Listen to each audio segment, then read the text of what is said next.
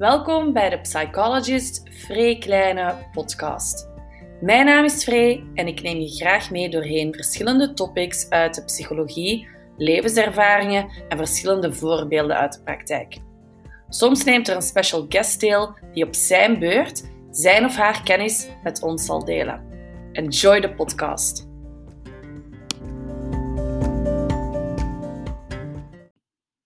Hoi, fijn dat je er weer bij bent.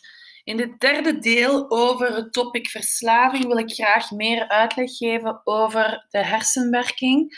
Um, en ja, hoe, ons, hoe werkt het brein eigenlijk bij verslaving? Want ons brein speelt toch wel een hele, hele, hele grote rol binnen uh, verslaving. En daarom is het ook belangrijk om um, daar wat meer zicht op te hebben of inzicht in te hebben van oké, wat gebeurt daar eigenlijk precies binnen dat brein?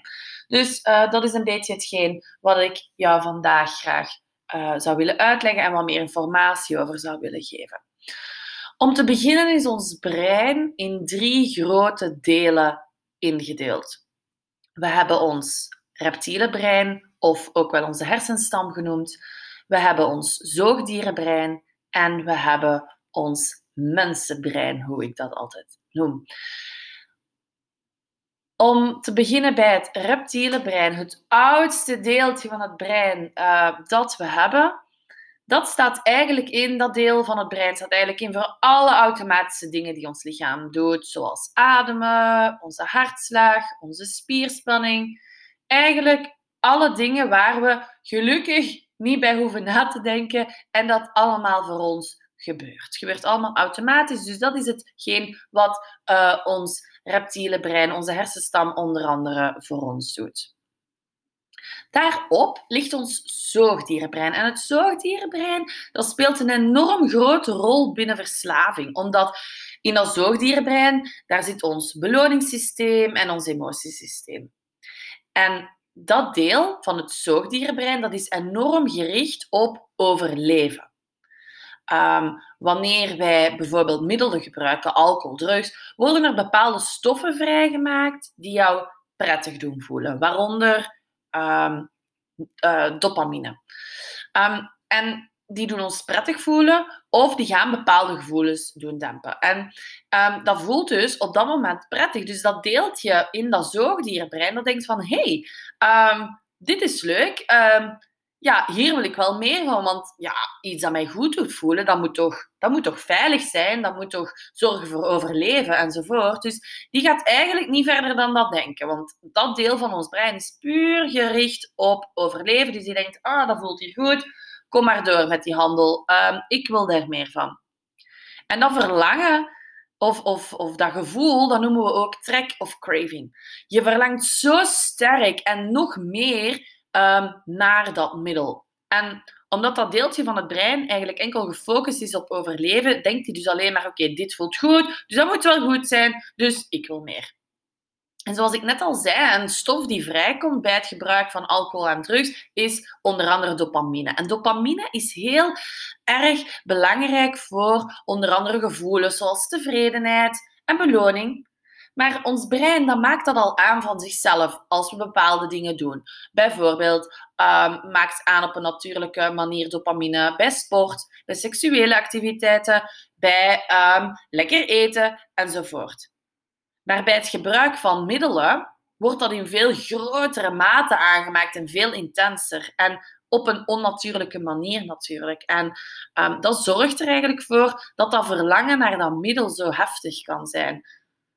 En dat is ook omdat eigenlijk jouw brein uit disbalans geraakt. Want jouw brein gaat op uh, natuurlijke manier heel moeilijk nog die dopamine kunnen aanmaken. Omdat um, door die middelen worden onze dopamine-receptoren, um, of het, hetgeen waar de dopamine eigenlijk vrijkomt, die worden een beetje uitgeput. Ik vergelijk dat altijd met een deur die volledig open wordt gezet en dat die dopamine daar maar wordt uitgeknald.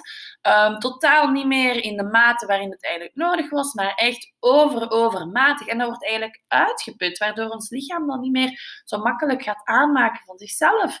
Ehm, en, en daardoor kan je het gevoel hebben bij verslaving van ja, ik heb dat nodig om mij nog goed te voelen. Ik heb dat nodig om, mij, om nog te kunnen functioneren.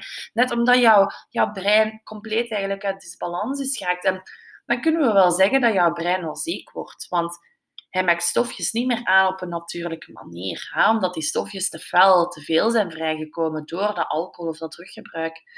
En ja, dat is een ziek, dat is een verslaafd brein. En daarom is het belangrijk dat jouw brein eigenlijk leert van, om die stofjes op een, uh, zelf terug te gaan aanmaken. Maar dat kan natuurlijk alleen maar als jij ervoor kiest om geen middelen meer te gebruiken. Het derde deel is ons mensenbrein. Dat noemen we ook onze neocortex. Um, dat deeltje helpt eigenlijk, um, of dat deel is in staat om abstract te denken, te reflecteren, in de toekomst te denken, in het verleden te denken enzovoort.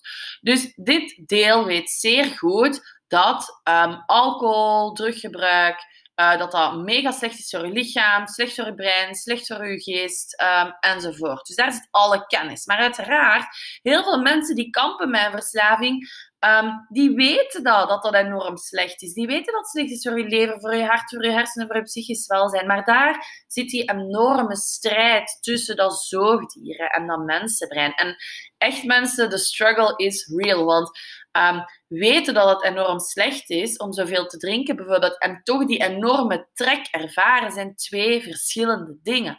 Want je weet dat het slecht is, um, maar, en, en je wilt het niet meer, maar waarom blijf je het dan doen?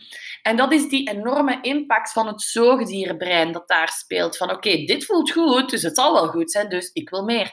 En omdat dat zoogdierenbrein zo gefocust is op overleven, nemen die trekgevoelens eigenlijk vaak de bovenhand ten opzichte van de wetenschap waar jij rationeel over beschikt van hey, dit is gewoon slecht om die en die reden en ik wil het niet, want ik wil verandering. Maar dat overleven, dat, dat is iets heel hardnekkig. Dus dat is eigenlijk de strijd, zeker in het begin als je verslaving aanpakt, die strijd is gewoon heftig. Maar kijk, niet getreurd. Je kunt verslaving overwinnen. Het is niet zo dat ons uh, mensenbrein niks te zeggen heeft. Gelukkig maar. Toewijding, motivatie, daarmee kan je alles bereiken wat je wilt. Jij kan je verslaving te baas worden. Uh, het is hard werken, absoluut, maar het is niet onmogelijk.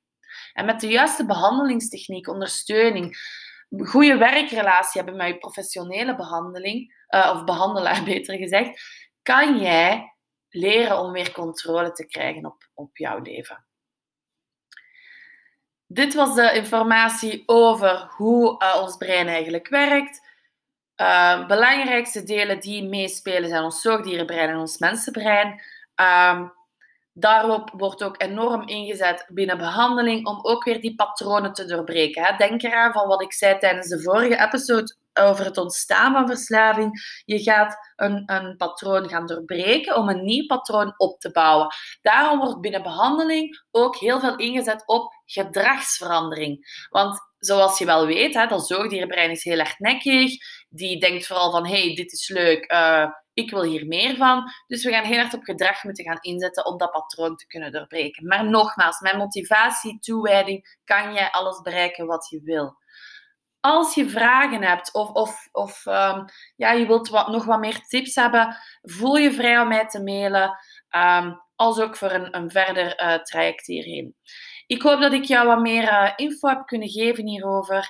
En um, ja, tot de volgende episode. Bye bye.